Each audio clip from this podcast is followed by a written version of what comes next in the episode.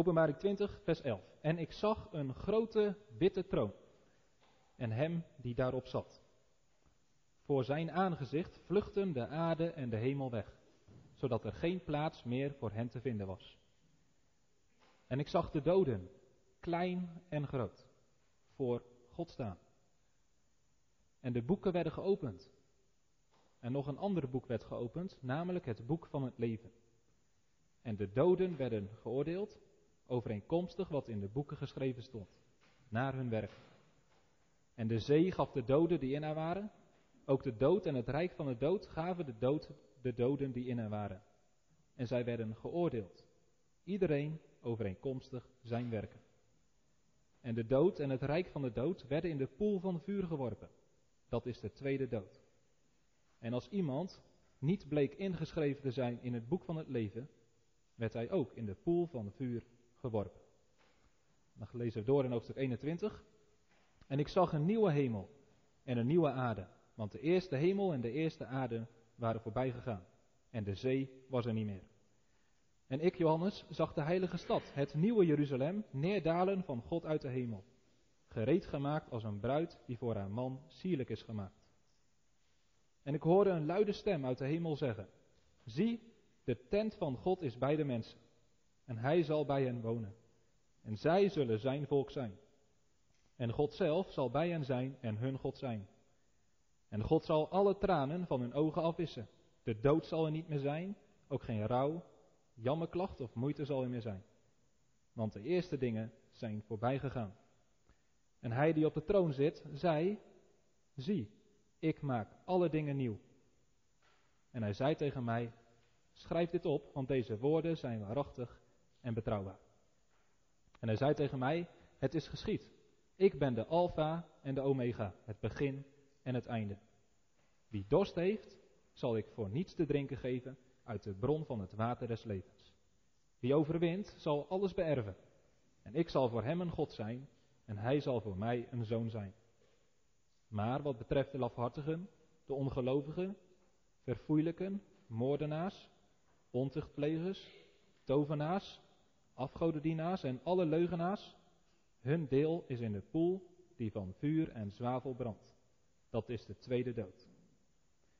En een van de zeven engelen die de zeven schalen hadden, vol van de zeven laatste plagen, kwam naar mij toe. En hij sprak met mij en zei: Kom, ik zal u de bruid, de vrouw van het lam, laten zien.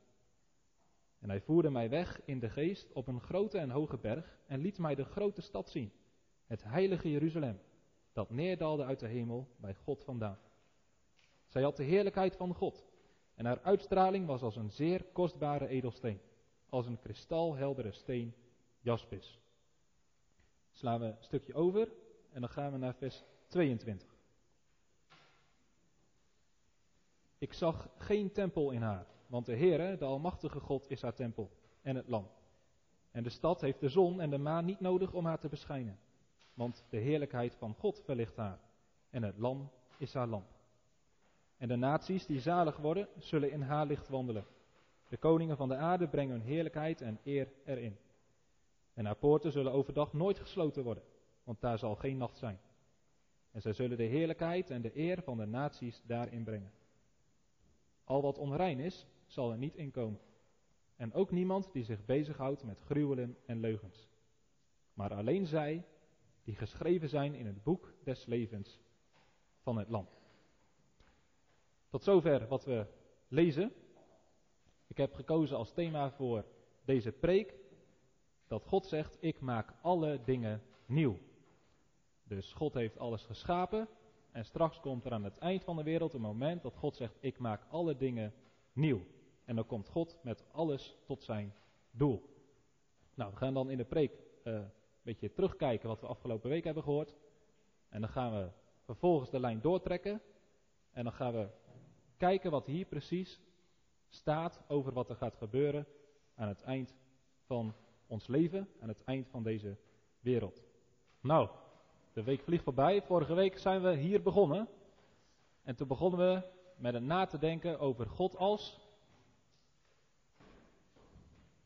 Wat was God van deze wereld en ons? Een architect. Nou, jullie weten inmiddels wat een architect doet. die ontwerpt, die denkt na over wat hij gaat maken. En God heeft in zijn grote wijsheid en zijn grote kracht heel deze wereld bedacht en gemaakt. Heel deze wereld is vol van de kunstwerken van God. Nou, wij hebben deze week allemaal knusselwerken gemaakt en uh, dingen in elkaar getimmerd. Dat werden werkelijk kunstwerken. Nou, en zo kunnen wij ook kijken naar deze wereld. En we hebben deze week af en toe een vlinder zien vliegen. Ik weet niet of die nog leeft. Dat is een van de kunstwerken van God. En die kwam langs vliegen, zodat we dat kunnen bewonderen. Want wij hebben als mensen ogen gekregen om dat te kunnen zien. En we hebben oren gekregen om dat te kunnen horen. Dus God wilde dat wij als mensen genieten van alles wat hij heeft gemaakt. Het tweede wat God ons heeft gegeven zijn handen en voeten. En dat is om voor de schepping te kunnen zorgen. Wij kunnen zorgen voor alles wat God heeft gemaakt. Voor de planten en de dieren.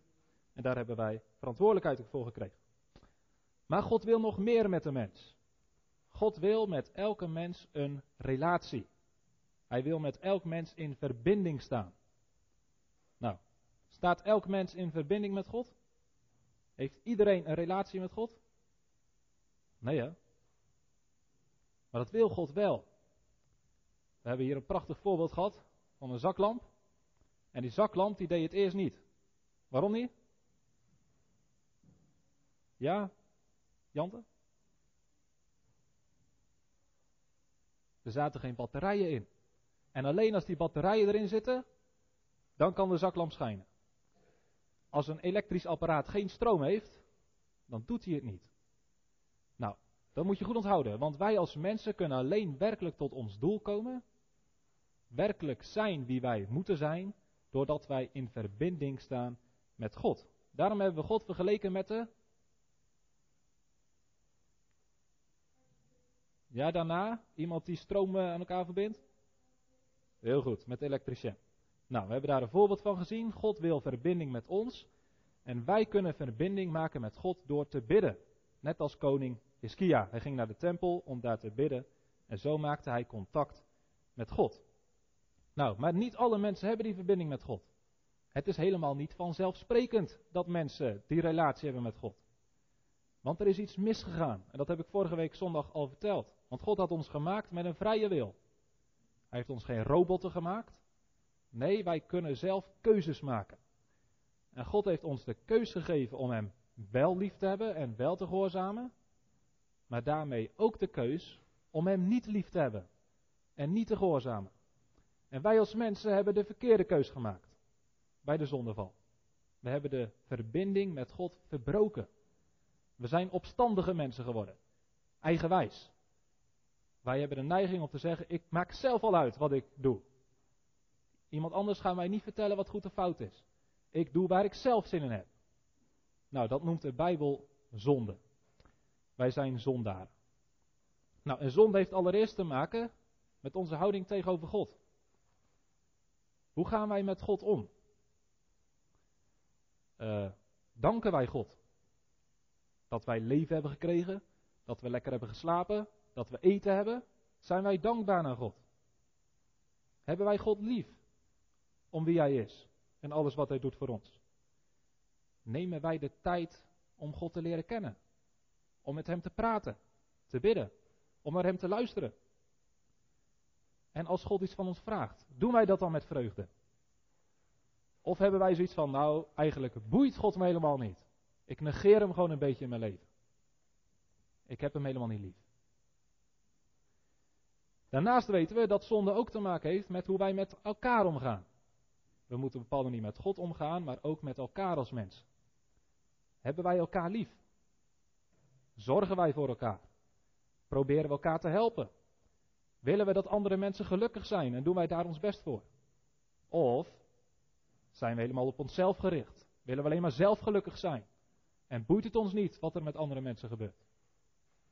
En misschien doen we zelfs andere mensen wel pijn en verdriet aan. Door de zonde is er heel veel ellende in deze wereld.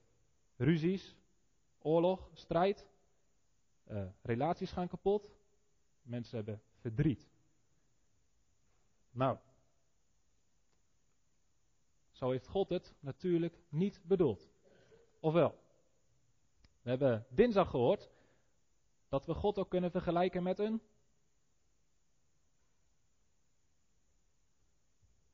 Daan? Met een schilder. God wil ons leven mooi maken. Hij wil niet dat wij in ons leven verdriet en pijn en al die ellende hebben. En daarom heeft God ons regels gegeven. Goede regels om daarna te leven. En een van die regels, daar hebben we over nagedacht. En die regel was, we moeten onze naaste lief hebben als onszelf. Nou, wie is je naaste? Er was een prachtig verhaal van een Samaritaan. En die hielp een Jood. En dat was een vijand. Dus wie is je naaste? Dat zijn zelfs je vijanden. En die moet je helpen. Je moet het naaste zijn voor alle mensen. Je moet andere mensen behandelen zoals je zelf behandeld wil worden. Ken u die regel? Je moet andere mensen behandelen zoals je zelf behandeld wil worden. Je kunt het ook omdraaien. Als je jezelf niet uh, geslagen of mishandeld wil worden, dan moet je ook niet een ander slaan of mishandelen. Als je zelf niet opgelicht of bestolen wil worden, dan moet je ook anderen niet oplichten of bestelen. Als je niet wil dat er lelijk over jou wordt gepraat, dan moet je ook niet lelijk over de ander praten. Dat kun je kort zeggen met de regel: wat u niet wilt dat u geschiet, doe dat ook een ander niet. Nou, dit zijn prachtige regels. En als wij ons naar die regels zouden houden, dan zou het leven er goed uitzien. Maar het gaat er niet al om dat wij deze regels kennen. Dat is nodig. We moeten deze regels kennen. Een mens die de regels van God niet kent, is als een schilder zonder verf. Iemand die de regels van God niet kent, is als een schilder zonder verf. Nou, dat kan niet, hè? Gaat niet goed komen. Maar een schilder moet niet alleen verf hebben, het gaat er vooral om dat hij de verf goed gebruikt. Wij moeten niet alleen de regels van God kennen, wij moeten die regels van God doen. Wij moeten die toepassen. Wij moeten naar de regels van God leven. Nou, en nu zegt God, het maakt wel degelijk uit of je naar die regels leeft of niet. Want aan het eind van je leven en aan het eind van deze wereld ga ik elk mens oordelen.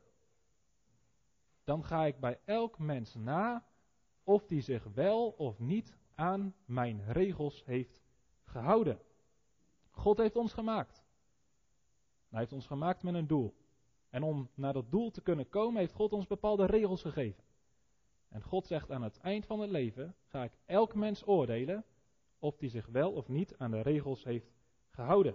Er staat in Hebreeën bijvoorbeeld: Het is voor alle mensen beschikt dat ze eenmaal moeten sterven. Nou, dat weten we. Iedereen moet één keer sterven. En dat daarna het oordeel volgt. God heeft een dag bepaald, zegt Paulus, waarop hij heel de wereld rechtvaardig zal oordelen. Door Jezus Christus. En dan maakt het niet uit of je wel of niet naar de kerk gaat. Of je nou een christen bent of een moslim of atheïst. Of je nou in Nederland geboren bent of in India. Of je 400 jaar geleden leefde of nu. Of je nou een kind bent of een bejaarde. Alle mensen over heel de wereld van alle tijden zullen een keer voor God verschijnen en een rechtvaardig oordeel krijgen. Nou, dit hebben we gelezen in Openbaring 20. Ik zag een grote witte troon en hem die daar op zat. Johannes ziet een hele grote, heilige, indrukwekkende troon. Nou, en wie zit er normaal gesproken op de troon? Wat voor soort mensen zitten er op tronen? Ja? Een koning. Nou, hier zien we een koning op zijn troon zitten. Want God die alles heeft geschapen, die de schepper is van alles en iedereen, is daarmee ook de koning van alles en iedereen. En er is nog iemand die op de, op de troon kan zitten. In de Bijbel zitten ook rechters op hun troon. We zien hier God als een rechter. De rechter die alle mensen gaat oordelen. Nou, dan staat daar, vervolgens vers 12, ik zag de doden klein en groot voor God staan. Nou, wat Johannes hier ziet is echt indrukwekkend. Hij ziet alle mensen. Nou, dat zijn er miljarden. Alle miljarden mensen ziet Johannes staan voor die heilige, grote, witte troon van God. Klein en groot. Nou, klein en groot, dat hebben we van de week vaker gehoord. We hadden een autoploeg voor de kleine en een fietsploeg voor de grote. Iedereen, of je nou klein bent of groot, alle mensen staan voor de troon van God. Nou, wij moeten ons proberen dat voor te stellen. Er staat dat Johannes dat ziet. En wij moeten dat proberen ook te zien. Zie het voor je. Dat grote moment. Waarop jij met alle andere mensen, dat wij samen, kinderen, leiding en ik, wij staan allemaal voor de troon van God. Probeer het je voor te stellen.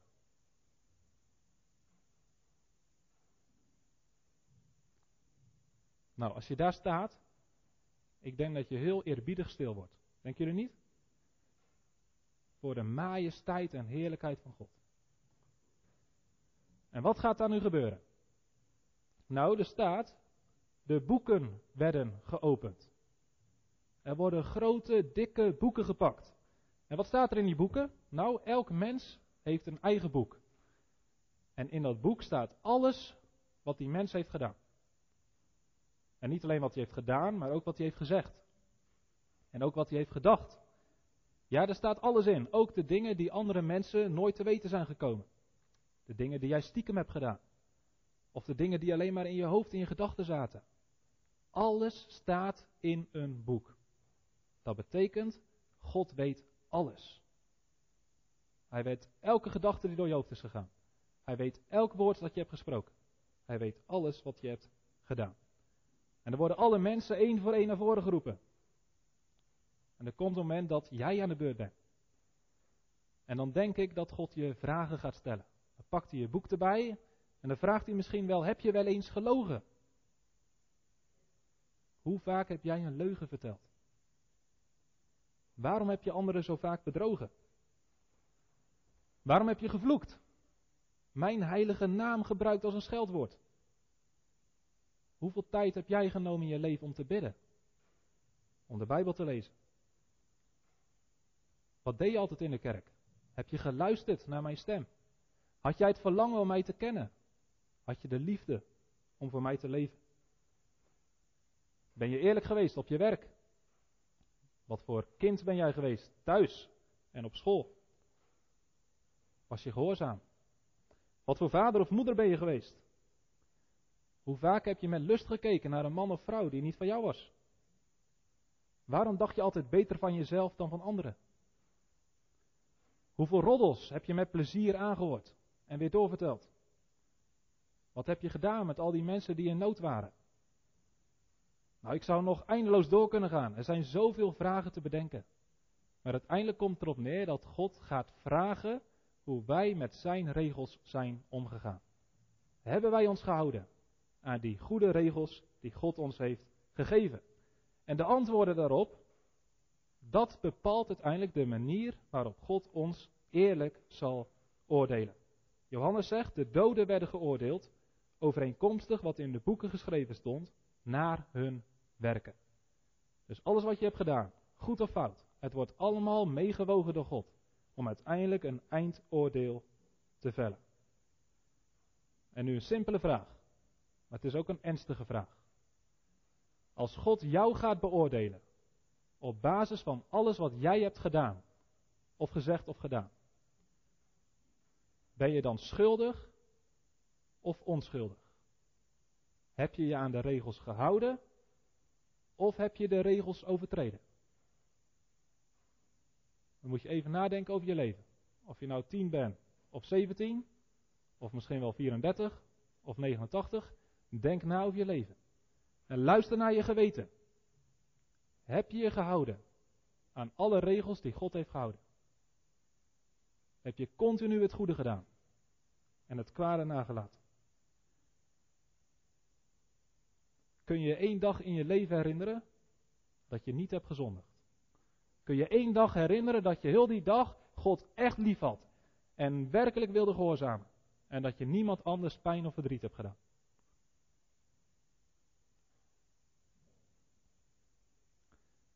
Nou, ik denk dat niemand van ons zijn zonde op één hand kan tellen. En ook niet op twee. En misschien ook niet op duizend. We hebben het al een keer uitgerekend in de categorisatie. Ik heb nog een keer een sommetje gemaakt. Als we elke dag van ons leven één verkeerde gedachte hebben, één verkeerd woord spreken en één ding wat goed is niet te doen, dat zijn dus drie zonden op één dag, en we zouden 80 jaar leven, dan zouden we honderdduizend keer gezondigd hebben. En drie zonden per dag, dat is niet veel. Ik denk dat wij er veel meer doen. Schrik je hiervan? Of niet? We zouden hiervan moeten schrikken. Alleen dat doen wij niet zo snel, want wij als mensen denken dat wij niet zo slecht zijn. Wij denken heel positief over onszelf. Bij anderen zien we altijd de fouten, en bij anderen zien we heel snel, nou die doet dat fout en die is daarin niet goed. Maar onszelf proberen we altijd goed te praten. En dat is ook zonde. Dat is eigen gerechtigheid. Maar er staat in de Bijbel, als je ontkent dat je een zondaar bent, dan misleid je jezelf. Dan hou je jezelf voor de gek. En je maakt God tot een leugenaar. Want God zegt in de Bijbel dat alle mensen zondig zijn. Dat er niemand goed is. Dat er niemand rechtvaardig is. Zelfs niet één. Zijn jullie hiervan overtuigd? En dan is de vraag: wat doet God met mensen die schuldig zijn?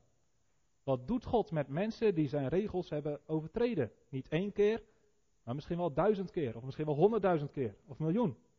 Wat is het oordeel? Nou, dat heeft God heel duidelijk opgeschreven in de Bijbel. En dat hebben wij ook gelezen. En een van de versen waar dat staat is hoofdstuk 21, vers 8. Dat ga ik voorlezen. Wat God doet met mensen die zich niet aan zijn regels hebben gehouden. Maar wat betreft de lafhartigen, de ongelovigen, de verfoeilijken, de moordenaars, de ontuchtplegers, de tovenaars, de afgodendienaars en alle leugenaars, hun deel is in de poel die van vuur en zwavel brandt. Dat is de tweede dood. De poel die van vuur en zilver brandt. Dat noemen wij de hel. God heeft in de Bijbel duidelijk gezegd dat mensen die zich niet houden aan zijn regels de hel verdienen. De hel is een plek van pijn, van lijden, een plek van duisternis, van haat, een plek waar geen blijdschap is, een plek waar geen vrede is, een plek waar geen vreugde is, een plek waar God de zonde straft. Nou, er zijn heel veel mensen die zeggen: haha, dat is grote onzin. Dat geloofden ze in de middeleeuwen. Maar dat geloven wij niet meer. Die hel, die bestaat niet. Maar ik heb de hel niet bedacht. Ik heb het niet verzonnen. En de mensen in de middeleeuwen ook niet. God heeft het zelf ons verteld. Het staat duidelijk in de Bijbel. Niet alleen hier, het staat op heel veel plekken. Er is een hel. Er is een hemel, maar ook een hel. En wat als je niet in de hel gelooft? Nou, stel je voor, ik geef een voorbeeld. Stel je voor, iemand staat voor de rechter. En hij staat voor de rechter omdat hij iemand heeft vermoord. Nou, en als je iemand heeft vermoord, dan verdien je straf. Ja toch? Die rechter zegt, omdat jij iemand hebt vermoord, en dat was moedwillig, ga jij twintig jaar de cel in. Je gaat de gevangenis in. Stel je nu voor dat die uh, moordenaar die zegt, haha, ik geloof helemaal niet in de gevangenis. Gevangenis? Ha, die bestaat niet. Geloof ik niks van. Zal die naar de gevangenis gaan of niet? Tuurlijk. Het maakt niet uit of je er wel of niet in gelooft. De gevangenis bestaat gewoon. En als je strafbaar bent en je wordt naar de gevangenis gestuurd, dan kom je er vanzelf. En dan kom je er vanzelf achter dat de gevangenis werkelijk bestaat. Als mensen zeggen, ik geloof niet in de hel, dan maakt het helemaal niet uit. Want als God zegt, je hebt mijn regels overtreden en je verdient de hel, dan ga je naar de hel. Of je daar nou in geloofde of niet. God is rechtvaardig. Hij stuurt niet mensen naar de hel omdat hij het leuk vindt, omdat hij daar plezier in heeft. God is rechtvaardig. En hij wil dat al het kwaad eerlijk wordt gestraft. Wij kunnen de zonde niet zo serieus nemen, maar God doet dat wel. Wij kunnen denken dat één zonde niet zo erg is. Maar in de ogen van God is het verschrikkelijk. En God zal elke zondaar een eerlijke straf geven voor alles wat hij verkeerd heeft gedaan. Nou, dat is geen fijne boodschap. En dat is het ook niet. Want er staat zelfs in de Bijbel: het is vreselijk om te vallen in de handen van de levende God. Het is verschrikkelijk als jij voor eeuwig verloren moet gaan.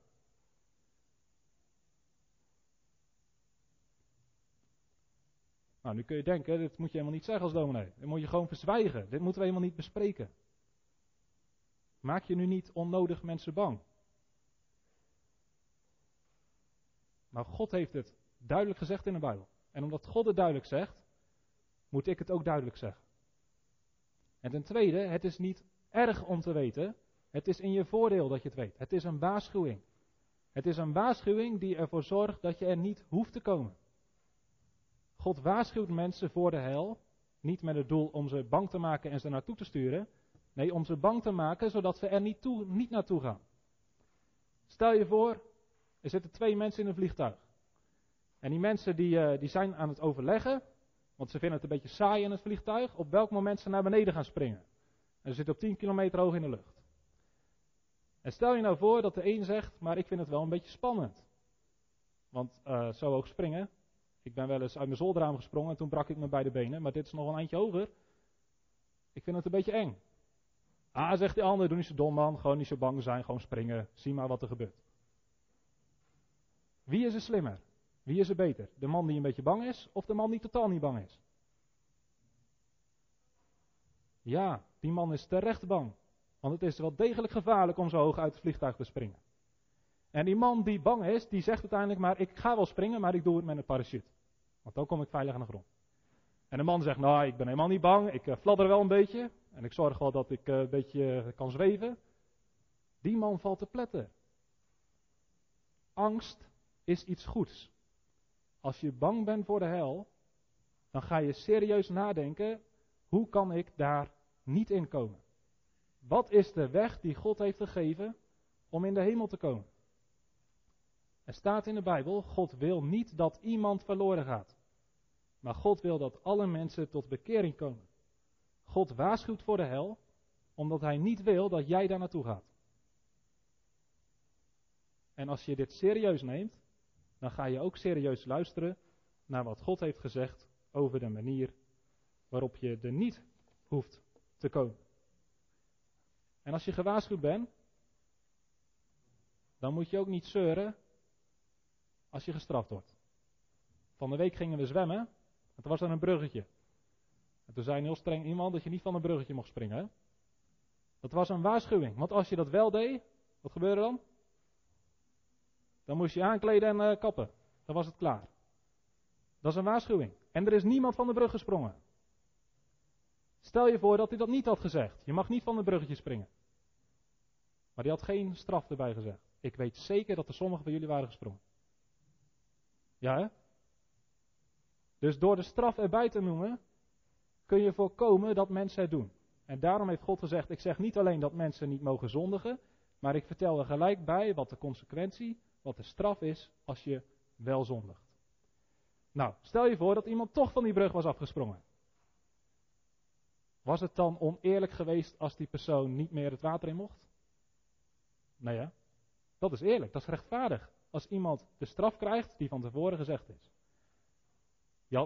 Als iemand uh, had gesprongen en uh, gestraft werd, dan had hij niet kunnen zeggen: Ja, dan had u mij maar tegen moeten houden. Dan had u er maar voor moeten zorgen dat het niet op de bruggetje was gekomen. Nou ja. Dus als wij als mensen zondigen, dan moeten wij niet zeggen tegen God: Wat oneerlijk als u ons naar de hel stuurt. Dat is wat God duidelijk heeft gezegd en wat hij ook werkelijk zal doen als wij niet gebruik maken van de manier waarop wij gered worden. Nou, tot nu toe een hele verschrikkelijke boodschap. Maar het is wel wat de Bijbel zegt. En dit moeten we volledig serieus nemen. Maar nu zou je kunnen denken, als dit waar is, dan gaat er toch niemand naar de hemel? Want er is niemand zonder zonde. Elke mens overtreedt de regels van God. Nou, nu staat er in onze tekst dat er nog een ander boek wordt geopend. Er worden gewone boeken geopend en er wordt een andere boek geopend, namelijk het boek van het leven. En alle mensen die geschreven staan in dit boek, in het boek van het leven, die gaan niet naar de hel, maar mogen naar de hemel. Nou, dan moeten we dus weten wat dat boek van het leven is. Wat staat er in het boek van het leven? Nou, sommige mensen denken dat dat een prestatieboek is. Een boek waarin mensen staan die heel goed hun best hebben gedaan. Dus mensen die vaak naar de kerk gingen, mensen die vaak in de Bijbel lazen, mensen die veel geld gaven, goede doelen, mensen die de buurvrouw vaak hielpen. Maar dat is het niet. Het boek van het leven is geen boek van mensen die goed hun best hebben gedaan. Er staat aan het eind van het stuk wat we hebben gelezen. Het is het boek van het leven van het lam. Het lam. Nou, weten jullie wie het lam is in de Bijbel?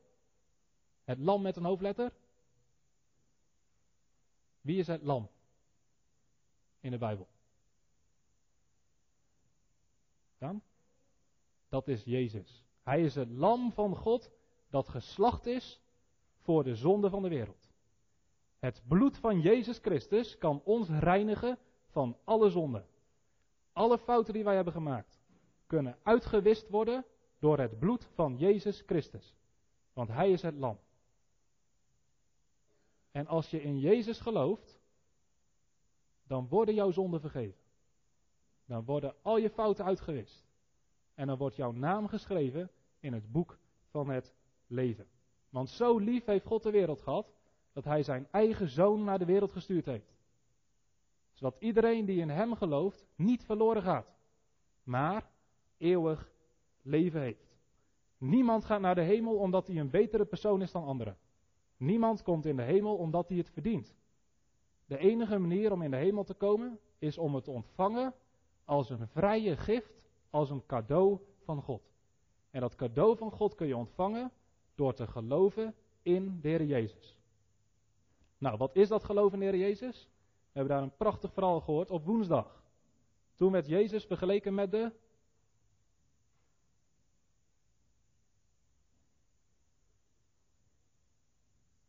timmerman. Nou, en wat was dat verhaal? Er was iemand lam, verlamd. En hij wilde naar Jezus toe, want hij had gehoord, Jezus kan mij genezen. Hij kan mij repareren, zoals een timmerman. En hij werd door zijn vrienden bij de voeten van Jezus gebracht. En Jezus zag zijn geloof, want hij was naar Jezus toegekomen. En wat zei Jezus? Uw zonden zijn u vergeven. Jezus is de enige in dit hele universum die onze zonden kan vergeven. Ik kan jouw zonde niet vergeven. Je ouders kunnen dat niet, de kerkraad niet. Niemand kan jouw zonde vergeven. Alleen Jezus. En daarom moeten wij allemaal naar Jezus toe. Ga op je knieën en zeg: Heer Jezus, ik ben een zondaar. En ik weet nu dat als ik door God geoordeeld word, dat ik terecht veroordeeld kan worden tot de hel. Red mij. Wilt u mij zonde vergeven? En als je zo naar Jezus gaat, dan worden al je zonden vergeven. En dan wordt jouw naam geschreven in het boek van het leven. En als je dan voor de troon van God staat, dan wordt ook jouw boek geopend. Maar wat God dan ziet zijn allemaal witte bladzijden. Want alles wat jij verkeerd hebt gedaan, alles wat jij verkeerd hebt gezegd, alles wat jij verkeerd hebt gedacht, is weggewist. Je hebt een wit boek. En dan pakt God het andere boek. En in dat boek staan miljoenen namen van alle uitverkorenen, van alle mensen die zalig worden. En dan staat jouw naam ertussen. Niet omdat jij beter was dan andere mensen. Maar omdat jij wist, ik ben een zondaar. En ik ben naar Jezus gegaan om van Hem genade te krijgen. Nou, zo zal het oordeel gaan. Je weet waar je straks aan toe bent. En je weet ook hoe je er straks goed vanaf kan komen. Luister daarnaar. Nou, en dan staat er vervolgens dat na dat oordeel, dan ziet Johannes nog iets. Ik zag een nieuwe hemel en een nieuwe aarde. Want de eerste hemel en de eerste aarde waren voorbij gegaan. Er komt straks een nieuwe aarde, een nieuwe planeet, wereld. Een nieuw universum. Want dat oude universum en de oude Abel zullen vergaan. Nou, dat staat bijna elke dag in nieuws dat deze wereld eraan gaat en dat we niet gaan overleven hier. Dat is geen nieuw nieuws voor ons. Wij weten al lang dat deze aarde niet voor eeuwig zal blijven bestaan. Deze aarde zal vergaan. En niet door onze CO2-uitstoot, maar door het oordeel van God.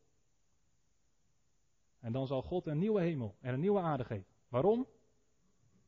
Omdat God deze aarde wil zuiveren van alle zonde, van alle ellende.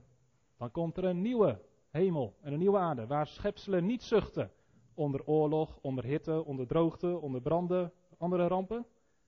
Wij verwachten naar Gods belofte een nieuwe hemel en een nieuwe aarde waarop gerechtigheid woont. Bij de schepping zei God het was zeer goed. Bij de nieuwe hemel en de nieuwe aarde zal God zeggen het is volmaakt.